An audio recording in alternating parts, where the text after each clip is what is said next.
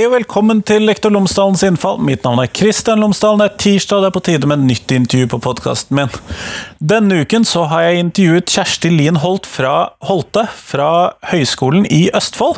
Vi har snakket om lekser, om leksebevisste skoler, om gode lekser, om dårlige lekser. Vi har snakket om gode praksiser, dårlige praksiser, vi har snakket om nettverket for leksebevisste skoler, osv. Så videre. sånn at eh, denne episoden her er dedikert til leksene og det håper jeg at du setter pris på. Her kommer i hvert fall intervjuet, vær så god.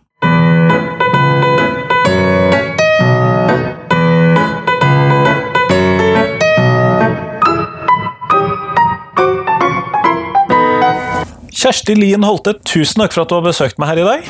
Takk for at jeg fikk komme. Før vi starter selve intervjuet, kunne du ha fortalt lytterne mine tre ting om deg selv, sånn at de kan bli litt bedre kjent med deg. Ja, for det første så mener jeg at skolen skal være et eventyr å komme inn i. Og det er egentlig en overordna visjon for eh, alt jeg gjør eh, i jobben min, og litt på fritida også. Um, og så kan jeg fortelle at jeg var ganske glad i lekser da jeg var liten. Jeg fikk veldig lite av det på skolen, men eh, jeg satt eh, mye hjemme og ordna og styrte og fant litt sånn ut av ting på min egen, på min egen måte. Lagde litt lekser? Lagde litt lekser. Um, så um, tredje ting Jeg er halvt bergenser. Ja, men flott. Det, eh, men det er jo nettopp da de særlig de to første tingene, eller den midterste tingen, som kanskje er hovedfokuset vårt i dag, for vi skal ja. snakke om lekser. Mm eh, og da ønsker jeg også å vite litt mer om hva er det, eller hva vil det si å være en leksebevisst skole? For det er jo et begrep du bruker. Ja, jeg bruker det, og det som Det første eh, en leksebevisst eh, skole gjør, det er at de har rom for kritisk refleksjon rundt lekser. Eh, så det er mulig å snakke om eh, hvorfor har vi lekser, er, har vi gode lekser, hvordan fungerer leksene, fungerer det til intensjonen? Eh, det andre som kjennetegner en leksebevisst skole, det er at man har en pedagogisk begrunnelse for, for hva man gjør en pedagogisk begrunnelse for å ha de leksene man har, eller en pedagogisk begrunnelse for å være leksefri, hvis det er det man er. Så det, så det å være leksebevisst betyr ikke at man kutter ut lekser? Nei, det å, være altså det å være leksefri kan være en måte å være leksebevisst på, men det kan også være å ha lite lekser, eller eh, mer sånn gode lekser, da. Nettopp, nettopp. Mm. Og så er det en, en, et tredje punkt som det er med leksebevisste skoler. Det er at læreren tar et tydelig ansvar for at oppgavene oppgaven er tilpassa. Uh, vi, fant, vi, har funnet i den forskningen vi har gjort, da, at det er uh, ganske vanlig at ansvaret for tilpassingen blir overlatt til elevene og til foreldrene. Og det, det, er så, det, er ikke et kjennetegn på en leksebevisst skole. Da er det et altså- tydelig altså, læreransvar. Altså sånn du kan gjøre disse, eller du kan gjøre disse oppgavene her, er det sånn type ja, ja, akkurat det med tilpassing er litt forskjellig. Eh, det vi fant i denne undersøkelsen vår, da, hvor vi så på Vi gjorde analyser av 107 ukebrev, det var at det ble gitt de 15, ca. 15 oppgaver til alle elevene hver uke. I gjennomsnitt, da, uansett om det gikk i første eller sjuende. Uh, og det blir ikke de samme oppgavene. Uh, noen steder så kan man velge mellom nivå. ikke sant? Altså Velge de blå oppgavene eller de røde oppgavene i matte. eller... Um, men poenget mitt er at uh, i utgangspunktet når du gir de samme oppgavene til alle, så er det dårlig tilpassa. Um, fordi at um, for de som er, eh, som er, lett for å gjøre ting, så blir det kjedelig og litt utfordrende. Og for de som det her er for vanskelig for, eller for utfordrende for, de får jo ofte store problemer med å gjøre det. Og manglende mestringsfølelse og hele den pakka. da. Um, så, men uh, poenget mitt er jo at i en leksebevisst skole så er det læreren som har det ansvaret. Og det, det må man være veldig tydelig på. da. Eh, og så henger det, det med siste eh, kriteriet for en leksebevisst skole, det er at lærerens metodefrihet må være reell. Eh, det fant vi i den eh, undersøkelsen vi gjorde, da, hvor vi gjorde dybdeintervju med 37 lærere, at uh, det er ikke alle lærere som oppfatter at uh, den metodefriheten er reell. Hvis det er sterke tradisjoner for mye lekser på skolen og, og Sånn gjør vi det her. Ja, sånn gjør vi det her. Så er det veldig vanskelig å gjøre noe annet. Uh, og, og, det er ekstra vanskelig kanskje for dem som er nyutdanna. Så det, en leksebevisst skole sørger for at lærerne har et reelt valg. Nettopp. Sånn at det skal Man må ha tenkt igjennom hvorfor man har lekser, og hva man har som lekser. Og man må sørge for at det er tilpasset opplæring. Og læreren må selv også være med på å regulere, eller eh, finne ut hvordan man gjør dette selv. Ja, det, det, er et viktig poeng. da, fordi det, det, er, I starten, når vi begynte å forske på dette, her, så var det mange lærere som hadde en idé om at de måtte gi lekser. De var sikre på at det sto i opplæringsloven eller at det sto i, i i læreplanen.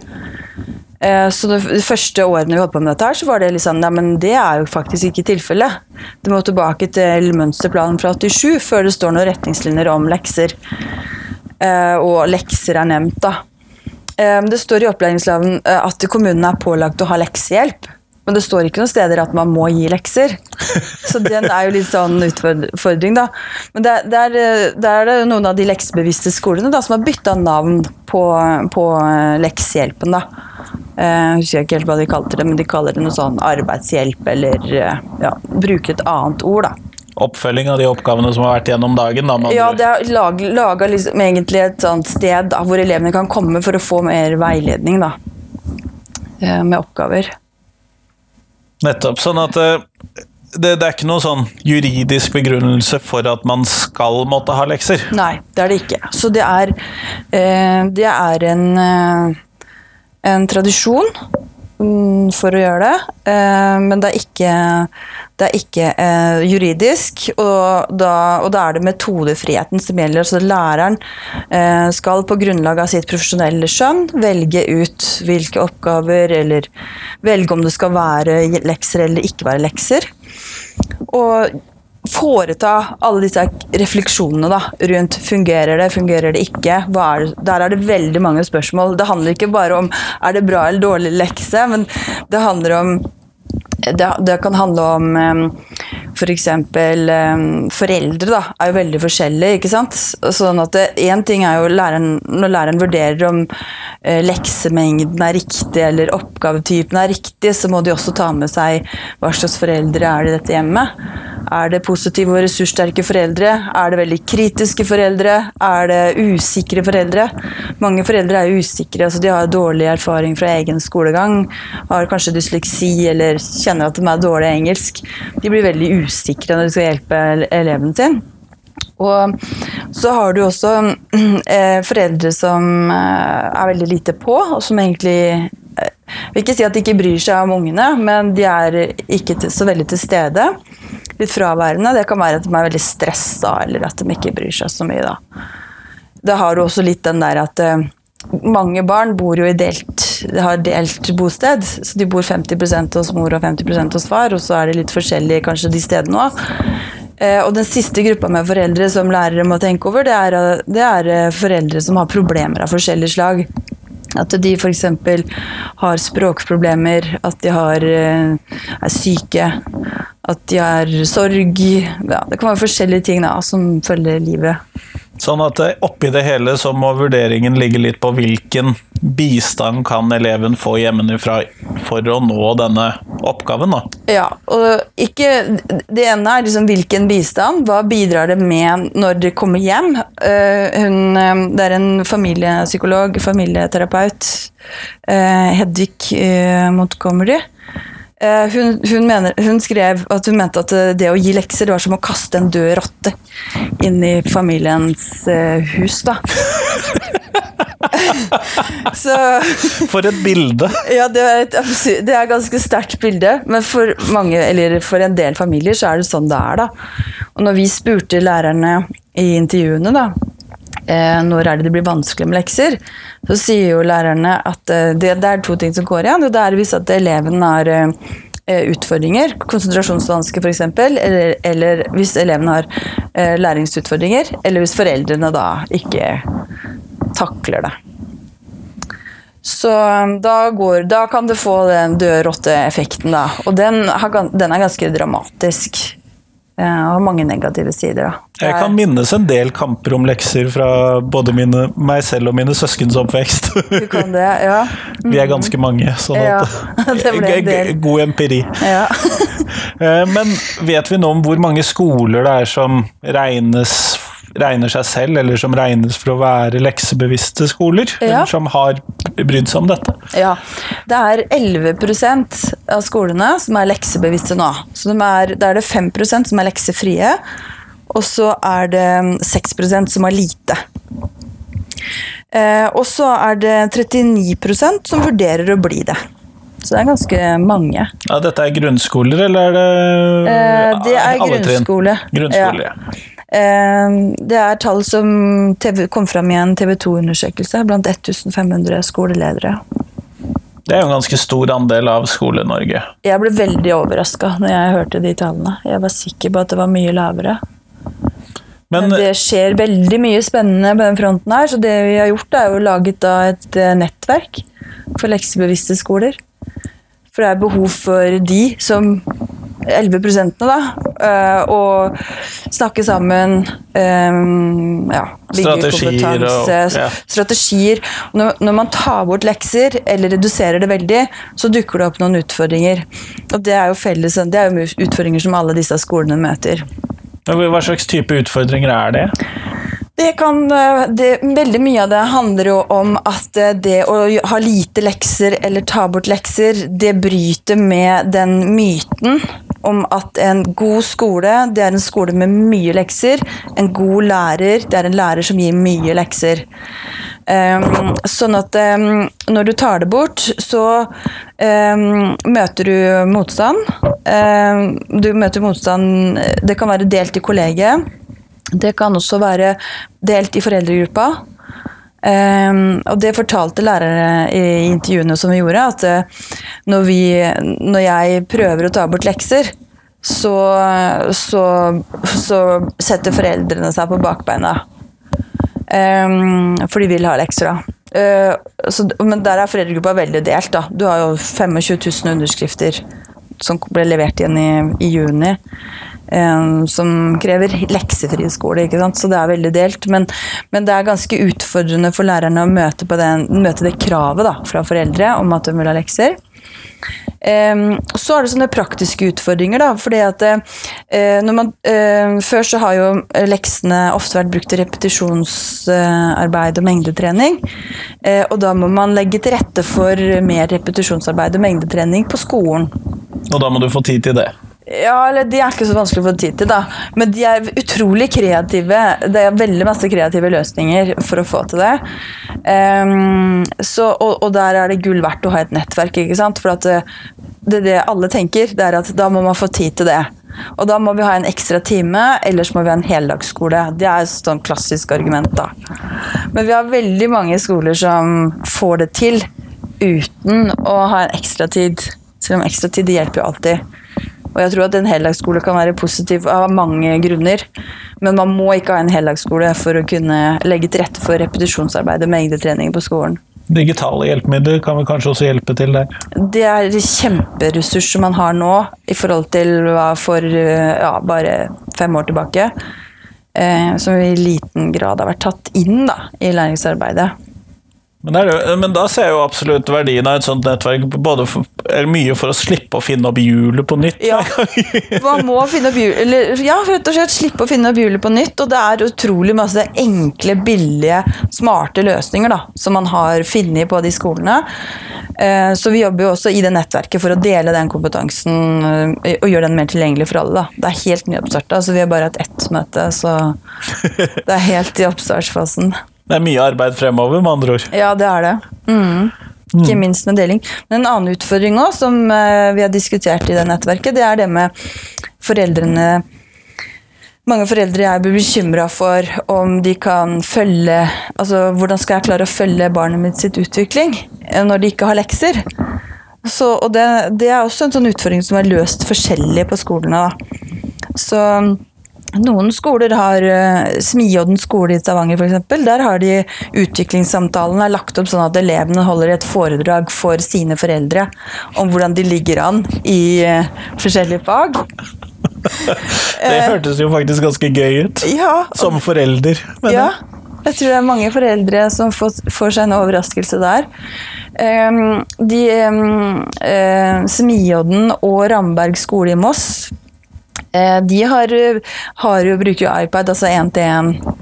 Um, sånn at uh, foreldrene kan følge mer med på hva elevene har gjort, har gjort på skolen. da.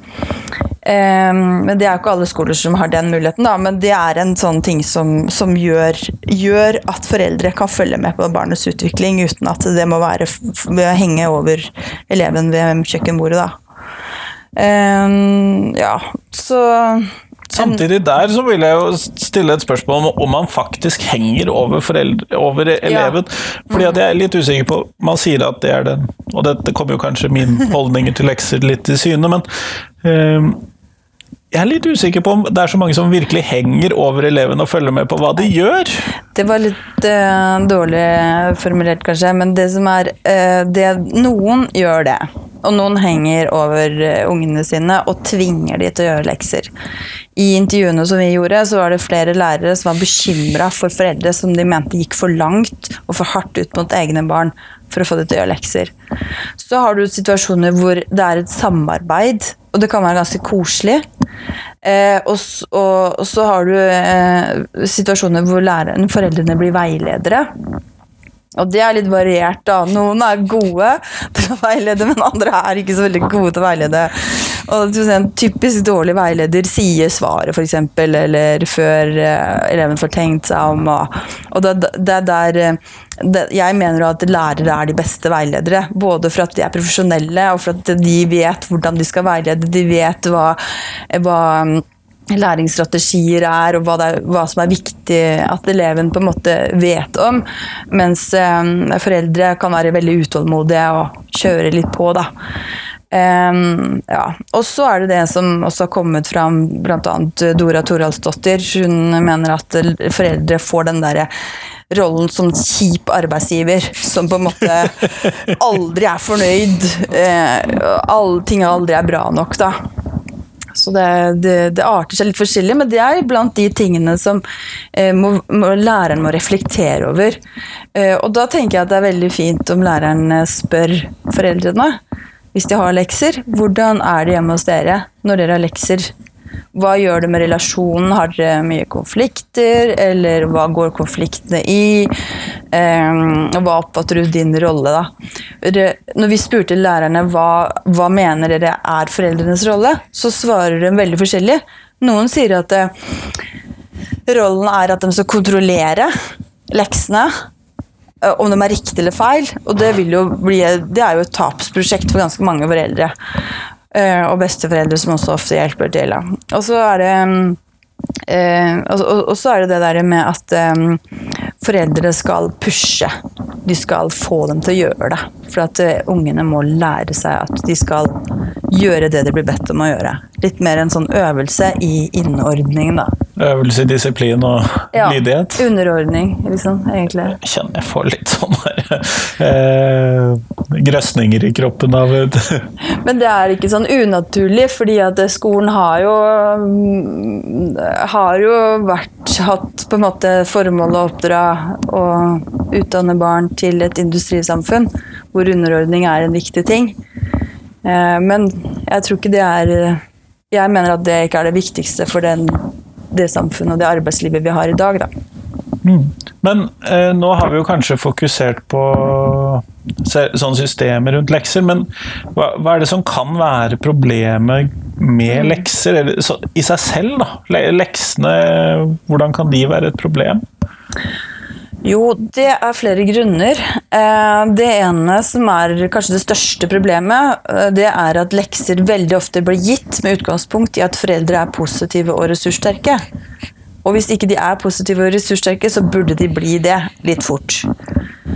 Så det er kanskje I kjølvannet av det så dukker det opp utrolig mye eh, negativt. Det ene det kan jo være at eh, foreldre da venter veldig lenge med å si fra om at det ikke fungerer. Fordi det er litt sånn skammelig, egentlig, å ikke få det til. Dette skal man jo få til som forelder. Ja, så da venter de ofte for lenge, selv om læreren mange ganger har sagt ta kontakt og si ifra hvis det blir noen problemer. Og mm, så, så er det foreldre som venter for lenge. Eh, ja, så det, det, da, da skjer det masse ting. Um, uh, og det, du kan si Hele utgangspunktet der er jo at leksene da er for dårlig tilpassa. Hvis de er godt tilpassa den enkelte eleven, så klarer jo eleven å gjøre det. Så en bra lekse kan jo f.eks. være at uh, eleven gjør noe hjemme som læreren helt sikkert vet at eleven klarer. Men da, da må læreren sikre seg det. da. Det, det gjør de i Finland. da. Der har, de sånn, øh, der har de jo veldig lite lekser. Det er det landet som har minst lekser i verden. Eh, og der, eh, når de har lekser, så er det da at de skal gjøre oppgaver hjemme som eh, læreren har sikra at de kan, sånn at de viser foreldrene 'dette fikser jeg'. Mens det som ofte skjer nå, det er jo at eh, de, ja, de blir gitt det samme 15 oppgaver til alle, og så er det noen går det bra for, og noen går det helt forferdelig dårlig for. da. De som det går dårlig for, de opplever jo dårlig, lite mestring. eh, Og de kan oppleve at det blir konfliktfylt med foreldrene. Eh, Og de kan eh, Opplever du det over mange år, så vet vi jo at det har veldig negative konsekvenser for for motivasjon for å gå på skolen. De kan droppe ut, det er én ting. En annen er relasjonen med foreldra. Um, og læringen, da. Og så Et annet problem det er at du har Det er Fullønn som viste det at du har uh, I tidligere klassetrinn så er engasjementet til elevene veldig stort. Så er liksom 95% Ja, de har jo kjempelyst på skole, ja, de. og de vil ha lekser òg. Og så blir det en, faller det ned til 39% når det er på ungdomsskolen. da. Eh, så det er litt sånn der, hva skal vi si, sånn der trøtthet, eh, utmattelse, liksom at man mister litt motivasjon. Men den største eh, en sånn største helse, altså Det er en helserisiko oppi dette her, fordi at det skaper stress. Og der viser jo der har jo helse, helsevesenet begynt å reagere. Så der var det Skal vi se Jeg husker ikke akkurat tallene der, men, men det er ganske høye tall på uh, utbrenthet eh, hos barn da, i barneskolen. Og lekser og skolepress, prestasjonspress, det er blant faktorene som, som det er Didrik Saugestad på Rikshospitalet som, som, har vært veldig tydelig på det. Uh, sånn at der er, ligger det noen problemstillinger knyttet til det presset ja. de møter? Det som er, er at um, leksene Det står i opplæringsloven at all opplæring skal føre til helse, trivsel og læring. Eh, og da har vi jo 161 internasjonale studier som viser at det har liten eller ingen effekt på læring. Eh, og så har vi at det fører til eh, stress.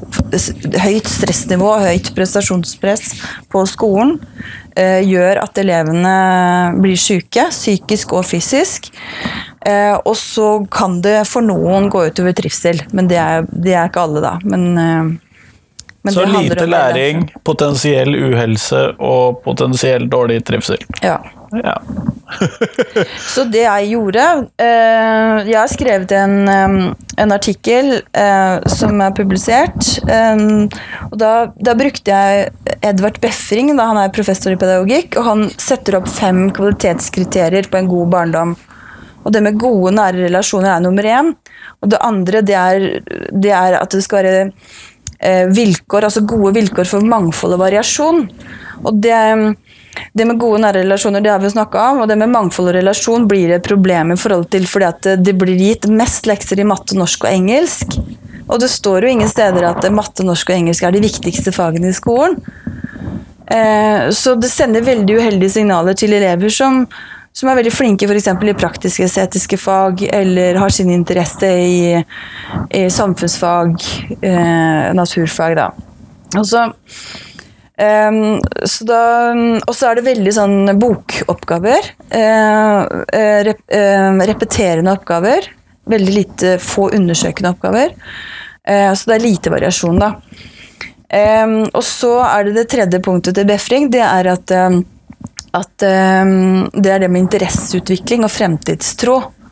Uh, så når det bare er repeterende oppgaver, eller overvekt repeterende oppgaver, så er ikke det, det Da bygger ikke det opp under elevenes fremtidstro. Og hvis det er manglende mestringsfølelse, så kan de også få manglende fremtidstro på egne vegne. Uh, og det skrev professor Kirsti Klette. Hun skrev en artikkel om det i 2008, eh, som var i Norsk pedagogisk tidsskrift, hvor da skrev hun at elev, en, det er enkelte elever blir forvalter av sin egen ulykke gjennom det leksesystemet eller arbeidsplansystemet som hun skrev om. Og så er det, det det fjerde punktet til befring. Det er det med forsiktighet ved risikoforhold. Vi fant jo at eh, lærerne viste liten forsiktighet ved risikoforhold som f.eks. dysleksi og eh, konsentrasjonsvansker. Så det var sånn, Vi gir det samme til alle. Vi vet at den får problem, og den får problem, og den får problem. Men alle får det samme. Men alle får det samme. Og det blir, det blir ikke stilt spørsmålstegn. Da ble det ikke stilt spørsmålstegn. Det har endra seg, da. For da ble det ikke stilt spørsmålstegn ved er det leksene som er problemet. Da ble det individforklart. Og da er det eleven som er gærent med, eller foreldrene. Ja. Så det synes jeg kanskje ja, Det er en veldig viktig sånn snuendring som har skjedd i denne debatten her. At man kan også se på på hvilken måte kan lekser kanskje gjøres annerledes. Eh, for at ikke det skal skape uhelse og mistrivsel. Da. Mm. Eh, Men eh, nå har vi jo snakket en del om eh, problemene med lekser, men hva kan gode lekser være?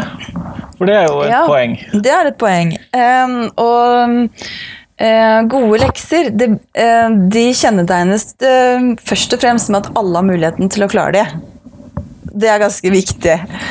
Ehm, og da, det er jo, sånn som jeg tenker, ofte mye lettere å få til med undersøkende oppgaver enn med, med repetisjonsoppgaver.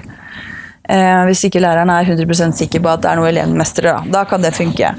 Men eh, utforskende oppgaver, eh, og at ehm, det er, altså du bygger på elaborering. Da. At, eh, at du hjelper eleven å eh, på en måte utforske temaet. eh, finne flere eh, områder som Eller bruke sanser som kan knyttes til et tema som man har på skolen. Eh, det kan være veldig bra lekser. Eh, når vi gjorde intervjuene, så spurte vi hva er en god lekse og hva er en dårlig lekse. Og det lærerne sier er en god lekse, det, det de fleste trakk fram, det er at eh, ja, det er litt kreative oppgaver, ofte med bruk av teknologi, eh, og kanskje noe de kan ha med familien på. Eh, og når vi så på ukeplanen hva, hva de gjorde, så var det da eh, oppgaver i boka. Repetisjonsoppgaver. Ikke helt i tråd med ønsket, da, med andre ord. Nei, veldig, de, de praktiserte ikke i tråd med det de selv mente var gode lekser. Så, men jeg hadde en sånn undersøkelse nå blant eh, noen lærere i Østfold, og da, da stilte jeg spørsmålet eh, Hvis lekser skulle være leks, helsefremmende, hva slags lekser ville dere gitt da? Og da fikk vi opp ganske mange gode forslag som var sånn type eh, lage et sunt måltid, gå tur, ringe en eh, familiemedlem, eller et familiemedlem som kanskje er litt ensom. Eh, ja. l- eh, forskjellige ting. Da. Men det, det er også en måte å tenke god lekse på. For av, noe av argumentasjonen for, eh, for lekser er at eh, leksene skal gjøre at eleven blir godt forberedt til en skoledag. Eh, og da er litt spørsmålet hva er det å være godt forberedt til en skoledag? Er det å ha eh, jobba til klokka 11 på kvelden eh, eh, med skoleoppgaver? Eller er det å ha spist ordentlig, trent på fotballaget, vært på korpset, dansa med venninner eh, og sove godt dagen etter? Så det er liksom Man må tenke litt gjennom, tenker jeg da. Det er- ligger litt i den kritiske refleksjonen som jeg ønsker rundt det. Hva er det man mener med gode arbeidsvaner, og hva mener man egentlig med å være godt forberedt, da? Et, et annet problem med lekser, som du spurte om i stad, det er at uh, lekser kan like gjerne skape dårlige arbeidsvaner som gode arbeidsvaner. For noen elever de lærer å uh, jobbe fort.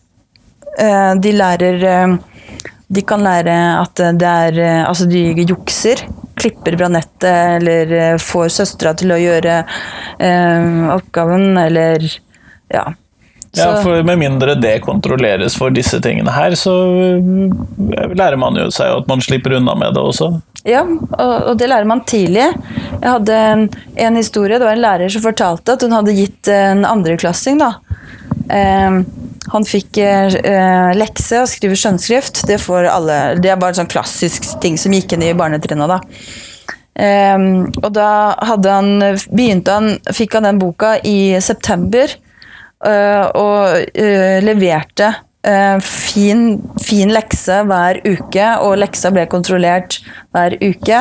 Og så hadde de skriveoppgave på skolen i januar, og da ser det ut til at han ikke kan skrive i det hele tatt.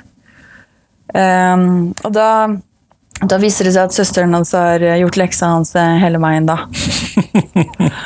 og det er jo sånn, jeg er en ganske sånn fin ting da, med de skolene som jeg har vært borte, som er leksebevisste, uh, og som legger til rette for repetisjonsoppgaver og mengdetrening på skolen.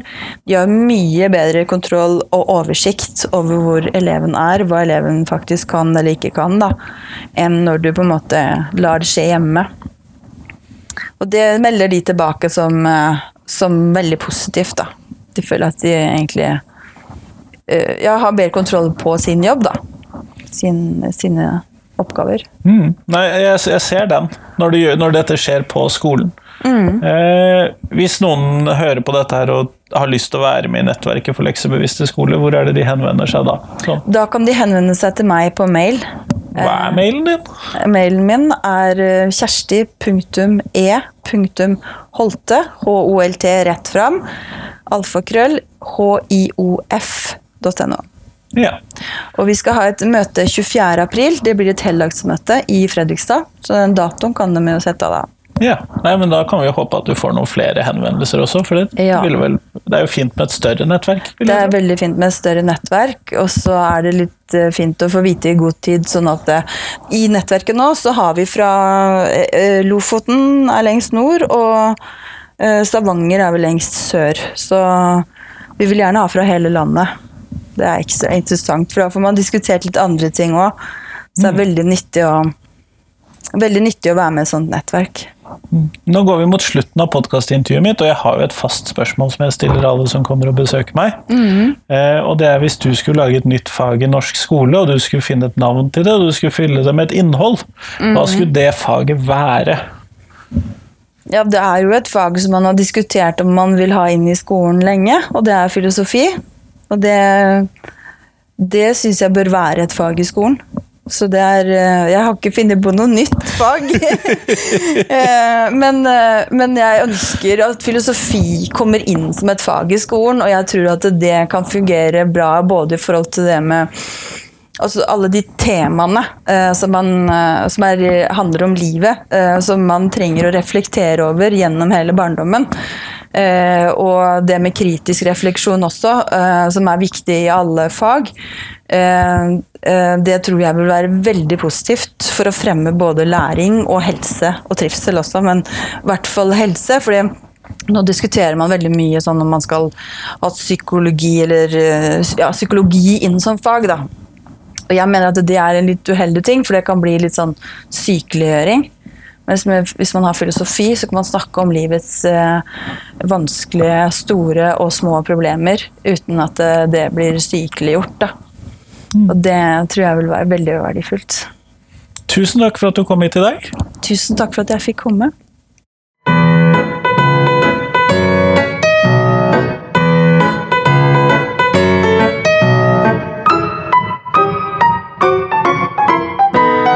Tusen takk til Kjersti, og tusen takk til deg som hørte på. Nå er det en uke til neste podkastintervju, så del gjerne podkasten min med noen som du tror vil sette pris på den, for da blir jeg veldig glad. Jo flere som hører på podkasten min, jo mer reklamerer de forskjellige podkaststedene om podkasten min, og jo enda flere får faktisk hørt på podkasten min. Så eh, alle monner drar, og det, de har lagt dette på en sånn snøballeffekt for å få spredd podkaster. Sånn at jeg håper at du kan hjelpe meg å dele podkasten min med noen. Men i hvert fall, fram til neste uke, ha en god uke. Hei, hei.